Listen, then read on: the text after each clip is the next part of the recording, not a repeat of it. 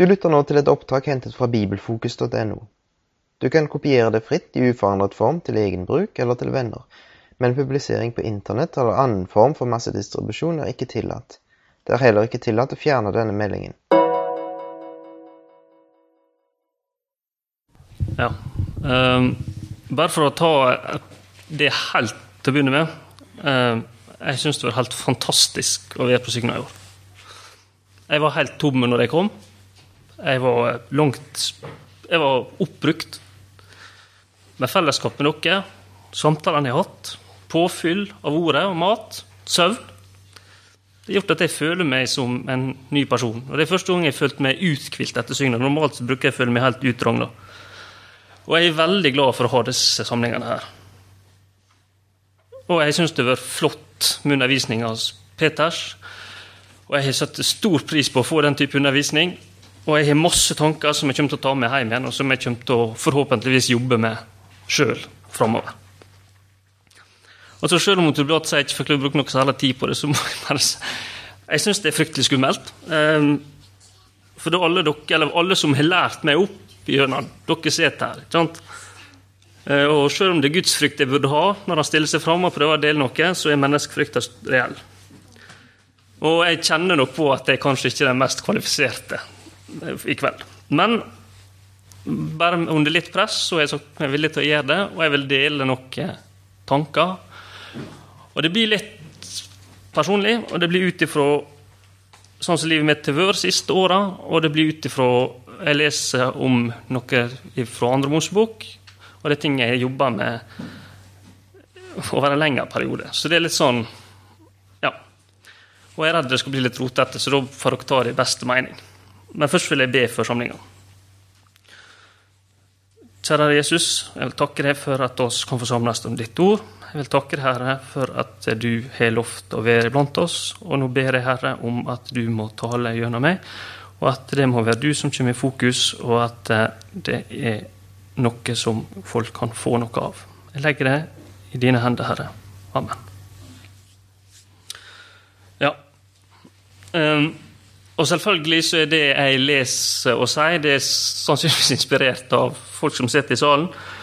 Uh, og hvis det går litt hvitt ut, så håper jeg at dere kan leve med det. Ja. Uh, jeg vil ta utgangspunkt i Moses. Og jeg vet, jeg har aldri, aldri gjort noe sånt sett før, så jeg vet ikke nødvendigvis hvor lang tid jeg kommer til å bruke, men en halvtimes tid var det jeg ser for meg. Så jeg satser på det går sånn cirka.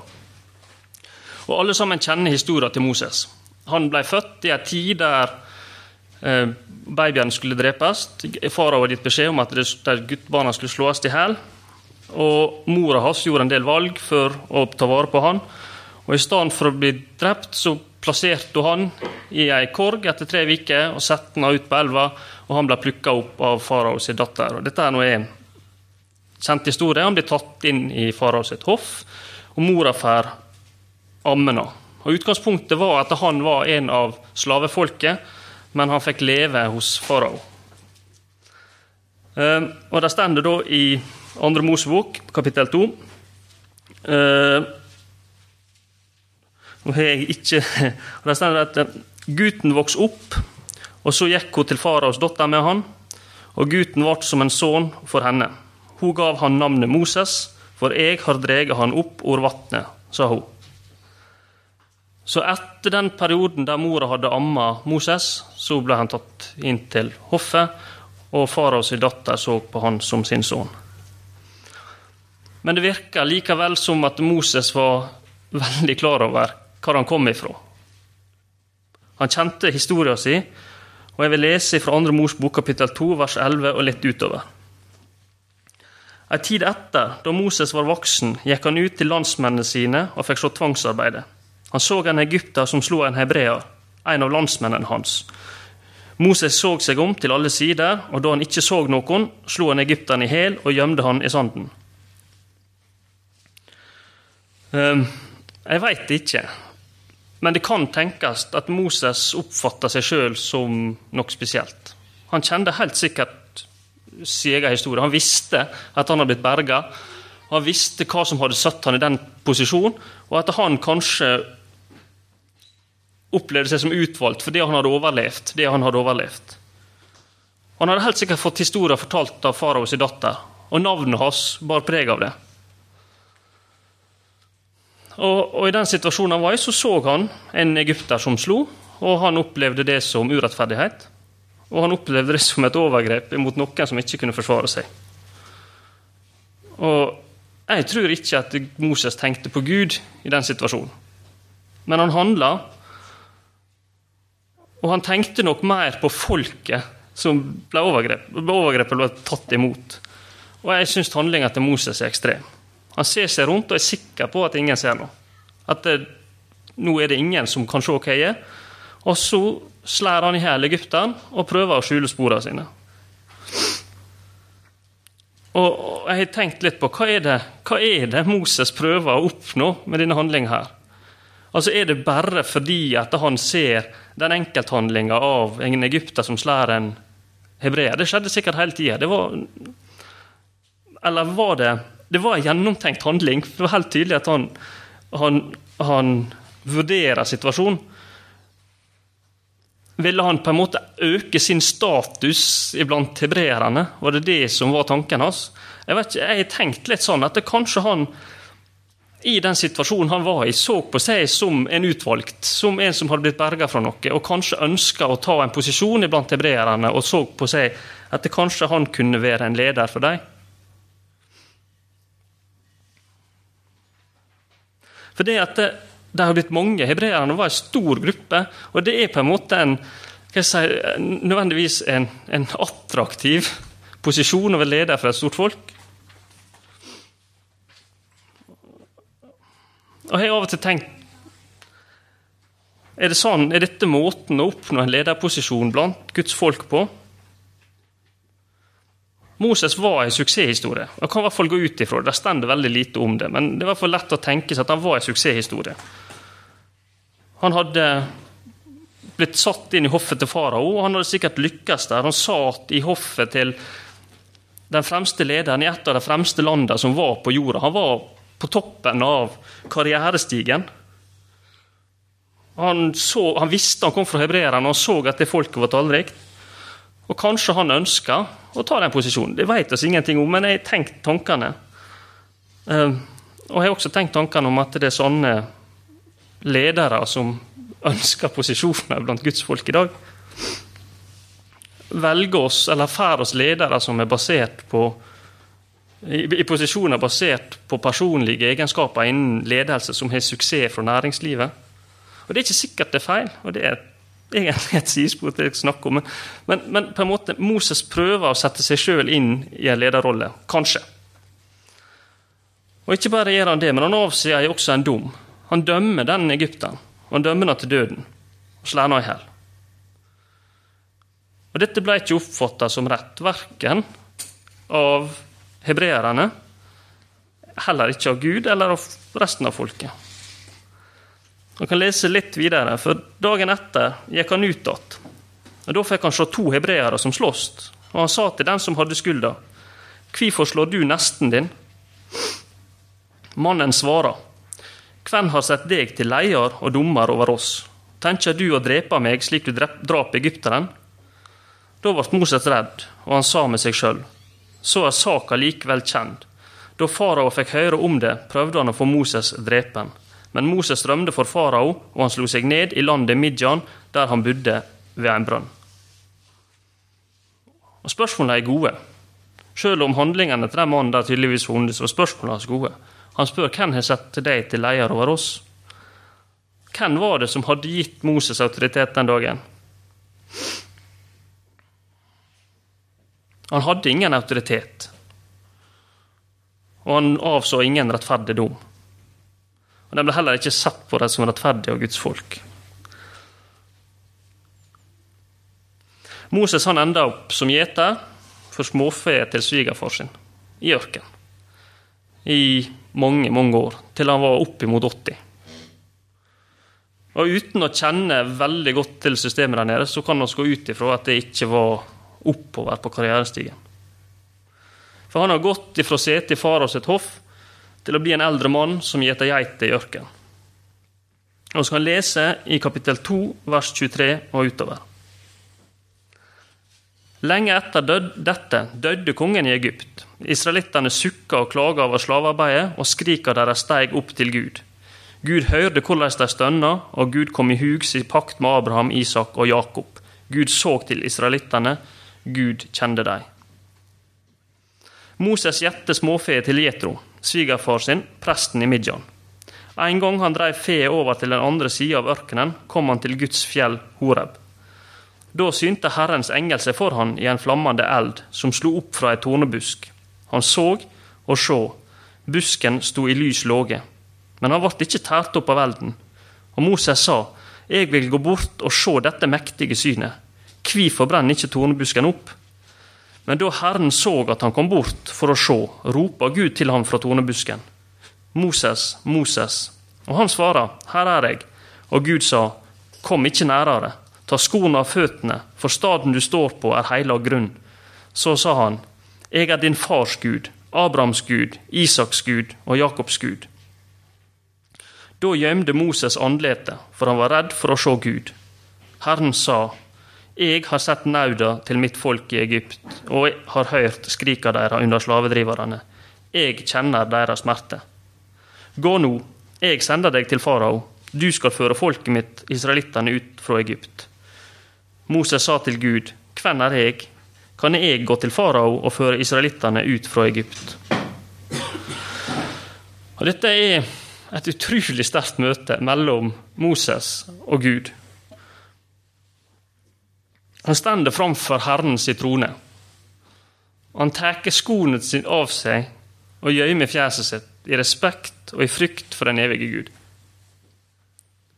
Han ser noe mye mer enn den buska som brenner. Han ser og, føler nærværet av den levende Gud. Og jeg har lest denne historien, og så har jeg lest Jesajas om hans møte med den samme trona, men som mer, beskriver mer hva han ser. Og Jeg har lyst til å lese eh, fra Jesajas kapittel 6, vers 1.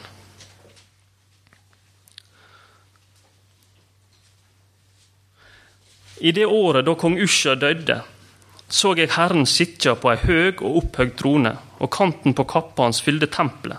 Serafar stod ansynes han. Hver av dem hadde seks venger. Med to dekte de andletet, med to dekte de føttene, og med to flaug de. De roper til hverandre. Heilag, heilag, heilag er Herren Sebaot. Hele jorda er full av Hans herligdom. Røysta som ropa, fikk boltene i dørterskelen til å riste, og huset ble fylt av røyk.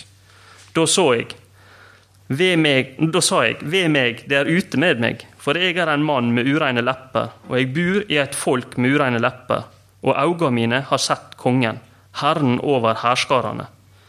Da flaug en av serafene bort til meg, i handa hadde han ei glo som han hadde tatt med ei tong fra alteret. Med den rørte han ved munnen min og sa, Sjå, denne har rørt ved leppene dine, de skuld er borte, og de synd er sona. Da hørte jeg Herrens røyst. Han sa, Hvem skal jeg sende, og hvem vil gå for oss? Og jeg ønsker å lese enda et ifra åpenbaringa i kapittel 6. Når Johannes får se trona.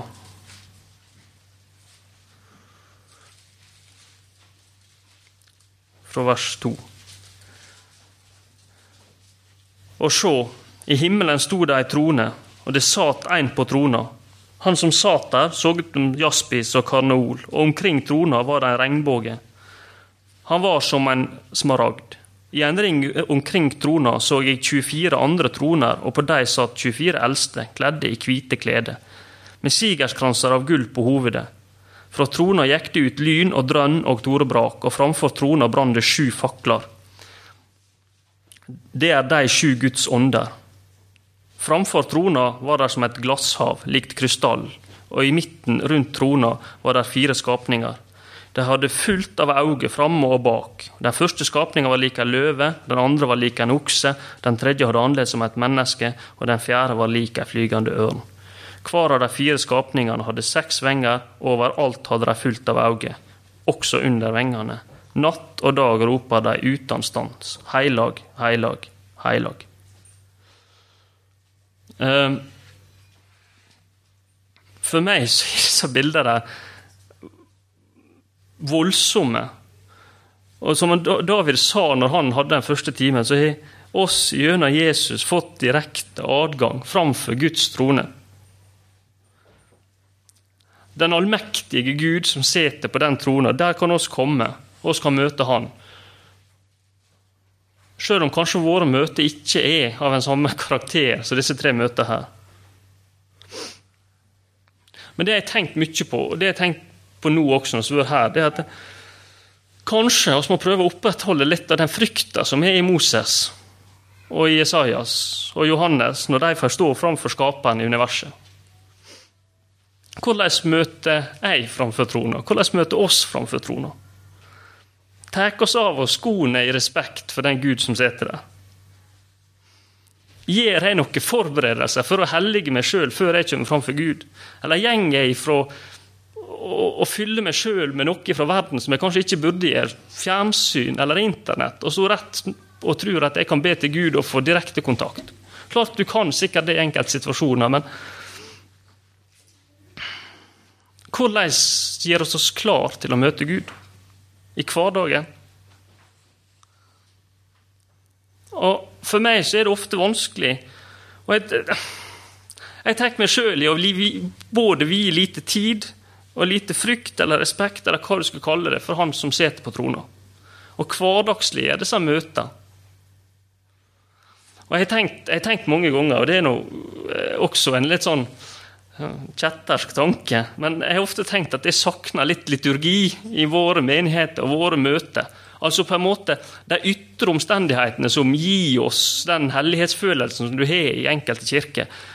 Og Jeg er helt, helt sikker på at det er bra at vi ikke har det, men likevel så kjenner jeg i meg at det hadde vært godt å hatt en sånn prosess eller et eller annet som på en måte gjorde meg klar for et møte med Den hellige, som gjorde at jeg var innstilt over lengre tid på den kanalen.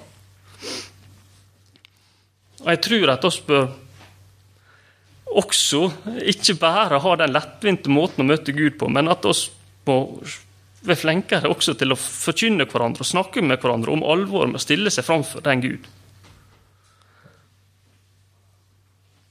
Møtet fra, Det hopper litt tilbake, men møtet mellom Moses og Gud det er fascinerende.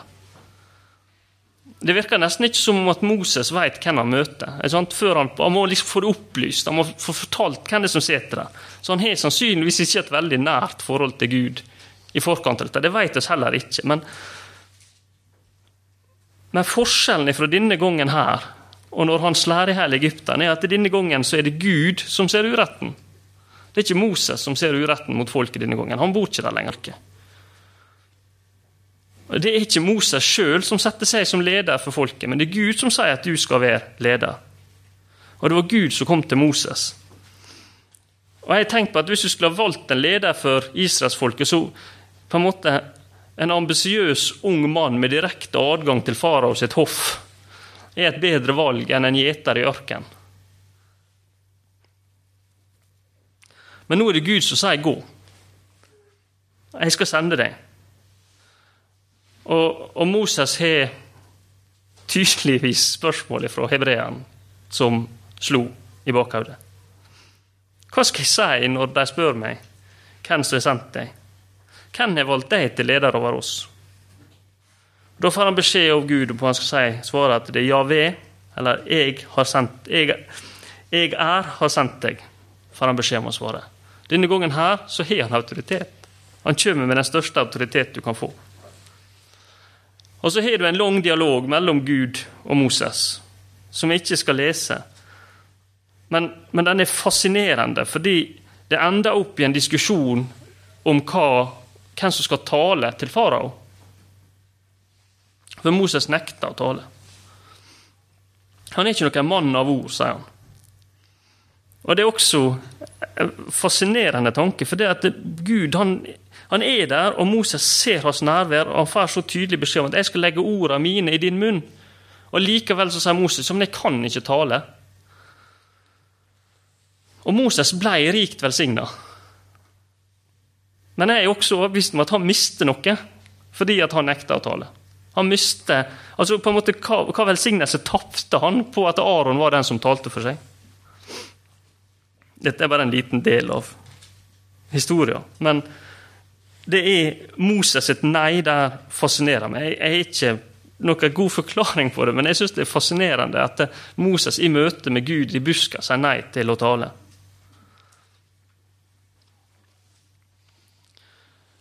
Og Det er nå det jeg frykter at jeg skal spore litt, litt av. Og kanskje jeg ikke får fram det jeg tenkte jeg skulle få fram, men jeg vil prøve. For det at det skjer en forandring med Moses i møte med den brennende buska. Og helt klart forandringa er til det bedre. Han blir, ikke, han blir ikke feilfri.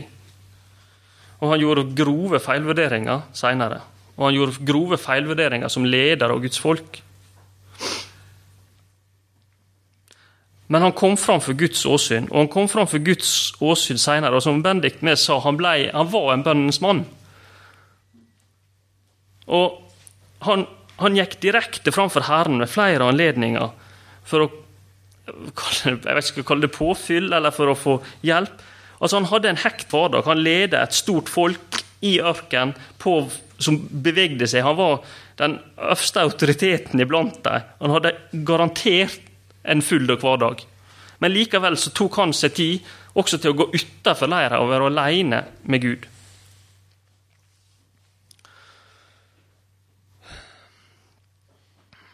Tanken min er at eh, kanskje jeg må nærmere den trona. Kanskje oss alle må gå nærmere den trona. For å prøve å se Han som sitter der. Og for å høre Han tale til oss.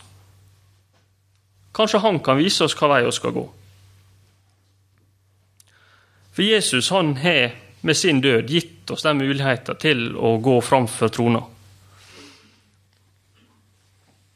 Og Moses og Jesajas og Johannes, som jeg las, de var også framfor trona, og de var framfor trona ei stund. Men så snur de seg, og så går de ut igjen ifra det direkte nærværet. Og så møter de folket, og så taler de til folket om det de har fått, og det Gud har gitt dem. Og det er det er det hverdagslivet er, ikke det? At vi får kanskje, i beste fall, korte stunder framfor trona. Og så må vi ut og møte folket. Uh, jeg vet ikke om alle kjente Moses når han kom tilbake til Egypt. Jeg vet at farao var død, og en del nok ikke gjorde det. Han kom tilbake riende på et esel med kona si og gudsønnene sine. Og Så gikk han til hebreerne, og så fortalte han dem det som Gud hadde pålagt han. Han levde ut det han hadde fått ved trona. Og kanskje eller ikke bare kanskje, helt sikkert. For meg så er det det vanskeligste delen av kristenlivet. Det å leve ut det jeg får ved trona blant mine medmennesker, kristne og ikke-kristne. Det å vise Jesu kjærlighet gjennom mitt liv i møte mitt med andre mennesker. Uten å gå på akkord. Uten å gå på akkord med egen overbevisning uten å gå på akkord med det Jesus sier og skal gjøre, og ikke å ha svake meninger eller være liberale, men det å klare å formidle alt dette på en kjærlig måte. Og da med Kristi sin kjærlighet gjennom oss. Eh, 22. juli i fjor så fikk oss et terrorangrep mot Oslo. Eh, og jeg har tenkt litt på det, at det, en av de tingene som er kommet i etterkant av det, det er en veldig utstrakt bruk av ordet kjærlighet. Og på en måte så føler jeg at ordet kjærlighet i norsk dagligtale i dag er nærmere den kjærlighet som vi snakker om her, enn det var før dette. For tidligere så var det på en måte underholdningsverdien sin definisjon av kjærlighet når folk snakker om kjærlighet. Mens den kjærlighet, når de snakker om kjærlighet nå, så er det på en måte blitt litt mer sånn inkluderende. altså noe mer enn noe fysisk. Jeg vet ikke om dere skjønner hva jeg mener. Men på en måte også kanskje fått igjen litt det ordet. at Når vi snakker om Kristi kjærlighet, så er det kanskje nesten lettere for folk å skjønne hva vi snakker om. Ja. Jeg vil lese litt videre, og jeg hopper over noen kapittel. Og jeg hopper til kapittel fem i Andre Mosebok. Begynner på begynnelsen. Her kommer Moses fram for farao. Fordi at Moses gjør som Gud sa. Og her står det. Moses gjør som Gud sier, og går til farao.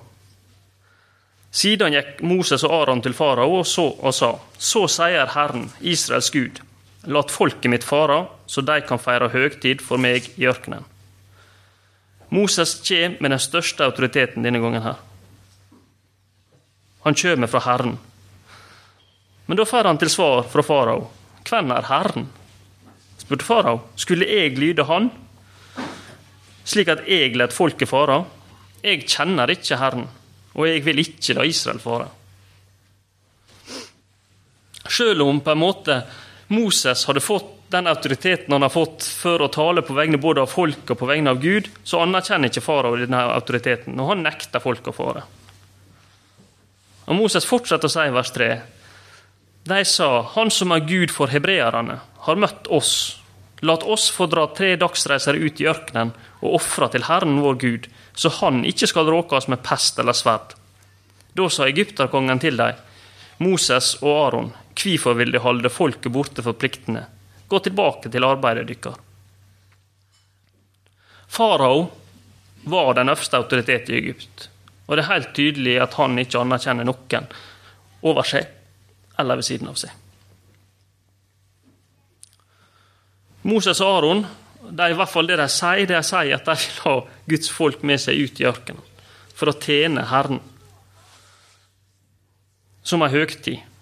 Og for meg nå så er det som sygna. Ikke sant? Noen dager i lag, vekke fra det vi gjør på til daglig. I samtale om Guds ord, i fellesskap, til oppbygging av hverandre. Held oss ut ei vike uten alt vi er vant med i verden. Sikkert ikke alle her som er på Facebook, men ganske mange er. Og sikkert mange som meg savner Internett. Jeg sjekka mailen min mens jeg var både jobbmail og privatmail. Når vi reiser ut i ørkenen for å være alene med Herren, er vi da for opptatt av å ta med oss mest mulig av det vi hadde i Egypt?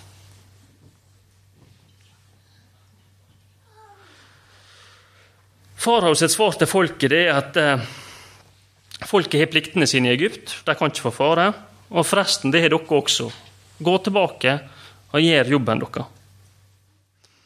Jeg skal være forsiktig, men jeg har lyst å lese ifra Lukas 4, vers 5. Det er når Jesus møter djevelen.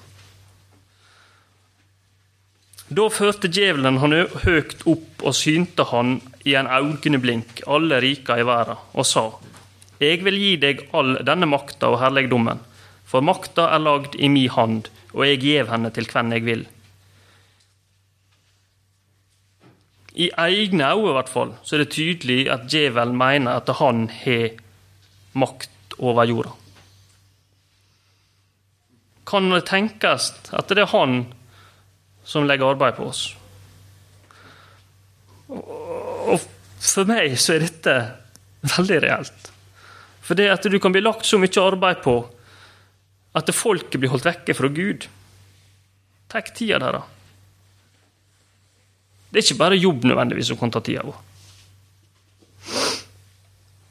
Men det er innmari mye som er med på å bruke opp det vi har av tid.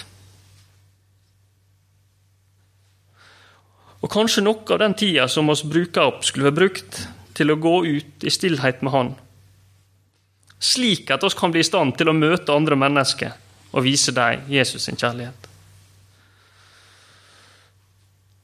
Og nok en gang personlig så er nok, det, er nok det med jobb en ting jeg veldig lett kan bli fanga i. Og sikkert mange andre også. Og dette var det farao brukte for å hindre hebreerne på å tenke på i det hele tatt å forlate Egypt for å tjene Herren. Han var redd for å miste innflytelse over dem. Hvis han slapp dem ut i ørkenen disse dagene, der, så ville han miste sin makt over dem. Kanskje de fikk et ønske om å se mer av Gud. Kanskje de ville bruke enda mer tid på å tjene Herren og mindre tid på å lage mursteiner til egypterne. Og svaret hans det er at han bruker piska og øker arbeidsmengda deres. Kapittel 5, vers 6. Samme dagen gav farao dette påbudet til slavedriverne og oppsynsmennene for folket. Heretter skal de ikke gi folket halm for å lage murstein med, slik som før. De skal sjølve gå og sanke halm. Men de skal, det skal pålegge dem å lage samme mengd med murstein som før, og ikke skjære ned. For de er late. Derfor skrik de, La oss dra og ofre til vår Gud. Legg tungt arbeid på mennene, så de har nok å gjøre og ikke får tid til løgnaktig snakk. En arbeidsgiver i dag bruker nok neppe pisken. Men det finnes utrolig mange snedige system som kan fange det opp, som, at, som er minst like effektive. Jeg tror det er fantastisk viktig for oss, og veldig vanskelig, og lære å sette personlige grenser for hva vi vil bruke tida vår til. Hvor mye av mitt liv er jeg villig til å gi til den som betaler lønna mi? Hvor mye av min tid er jeg villig til å gi til bruk på nettet, på, framfor fjernsynet? Altså, hvor mye Vi har bare noen timer i døgnet. Og hvor mye av min tid jeg er villig til å gå ut og være alene med Herren. Ut ifra støy, for å få ro. Jesus gjorde det også. Det er nevnt her, og det, er utrolig ofte nevnt. Men Jesus han gjenger ut han gjenger ut for å være alene, for å få fred. Og Det blir ofte forkynt. Og det er viktig, og vi trenger det. Og Jeg, jeg tenkte litt på det, for det at litt tilbake i tid. Uh, og dette her nå er hva jeg si, en personlig opplevelse av noe helt annet. Men jeg var på Schiphol flyplass. Og jeg gikk stad og kjøpte meg øretelefoner med aktiv støydemping. Jeg var helt kake i hodet. Jeg var reist i dagevis og fram og tilbake. På en flyplass og sette seg ned og ha på seg øretelefoner og så slå på den aktive støydempinga. På en måte så var ikke jeg klar over hvor mye støy som var i det lokalet. Jeg var ikke klar over hvor forstyrrende bakgrunnssølven fra den hallen var før den var vekke, før den var dempa. Men det aller verste det var når du måtte ta deg av igjen, og du hører det. For da hadde du på en måte fått Det var vekke fra en periode. Det var da du på en måte skjønte hvor ille det faktisk var. Og Jeg tror oss har det sånn i hverdagen vår. Jeg tror Det er masse ting som skaper støy, som gjør at det er vanskelig for oss å høre Gud når Han taler til oss. Den sliter oss ut, og den gjør oss mindre mottakelige. Og Det er ikke engang sikkert at vi skjønner hva det er snakk om. Det er ikke sikkert vi vet hva som skaper den støyen. Det er ikke sikkert vi kan sette fingeren på hva den kommer ifra. Men der er en masse støy. Og Disse støykildene tror jeg kanskje vi må hjelpe hverandre med å bli klar over hva det er for noe. For det vil være individuelt. Hva er det som hindrer oss i å få ro. Og jeg tror til og med at vi tar med oss disse støykildene når vi reiser sånn som hit, for å sette av ei uke for å tjene Herren og være stille med Herren.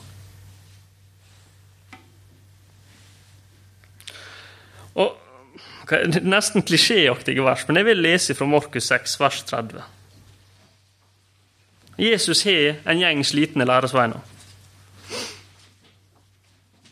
Apostlene samla seg atter hos Jesus og fortalte han om alt det de hadde gjort, og alt de hadde lært folket.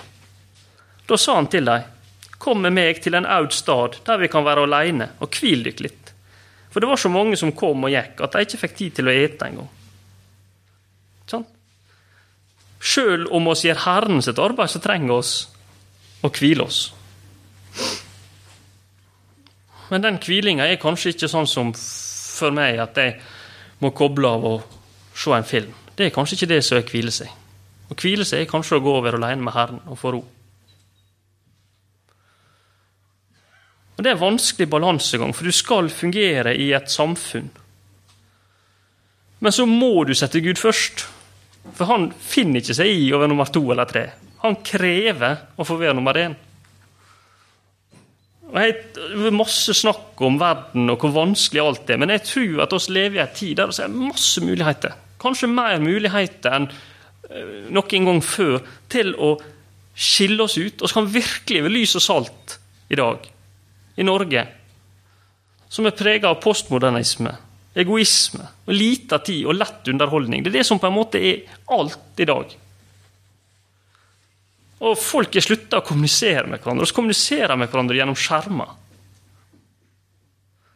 I hvert fall så vet jeg sjøl hvor mye mer jeg bruker kommunisere via en skjerm enn det å sette seg ned og prate med noen. Og Jeg tenker ofte, og det er mange som sier det med, at det er sånn at du tror at evna til direkte kommunikasjon kommer til å forsvinne.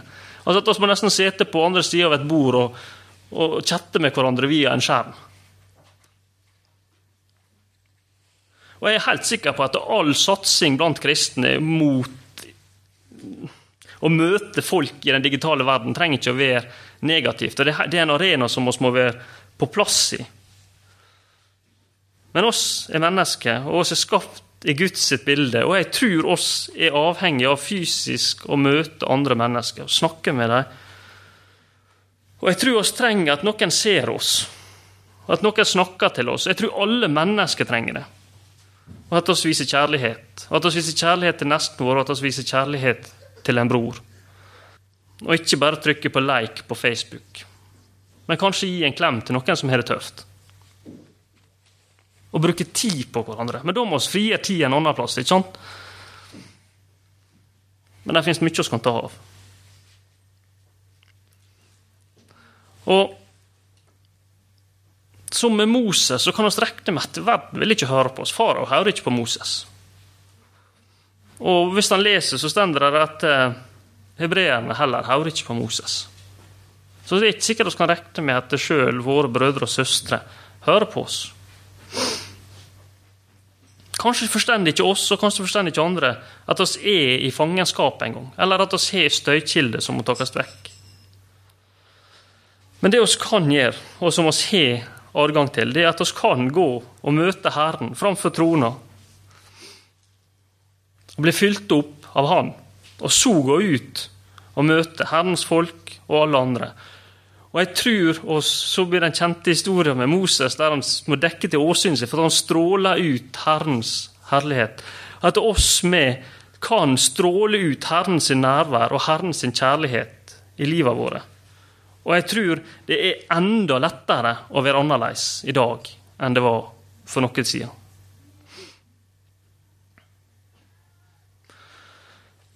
Ja. Men da må vi være utholdende.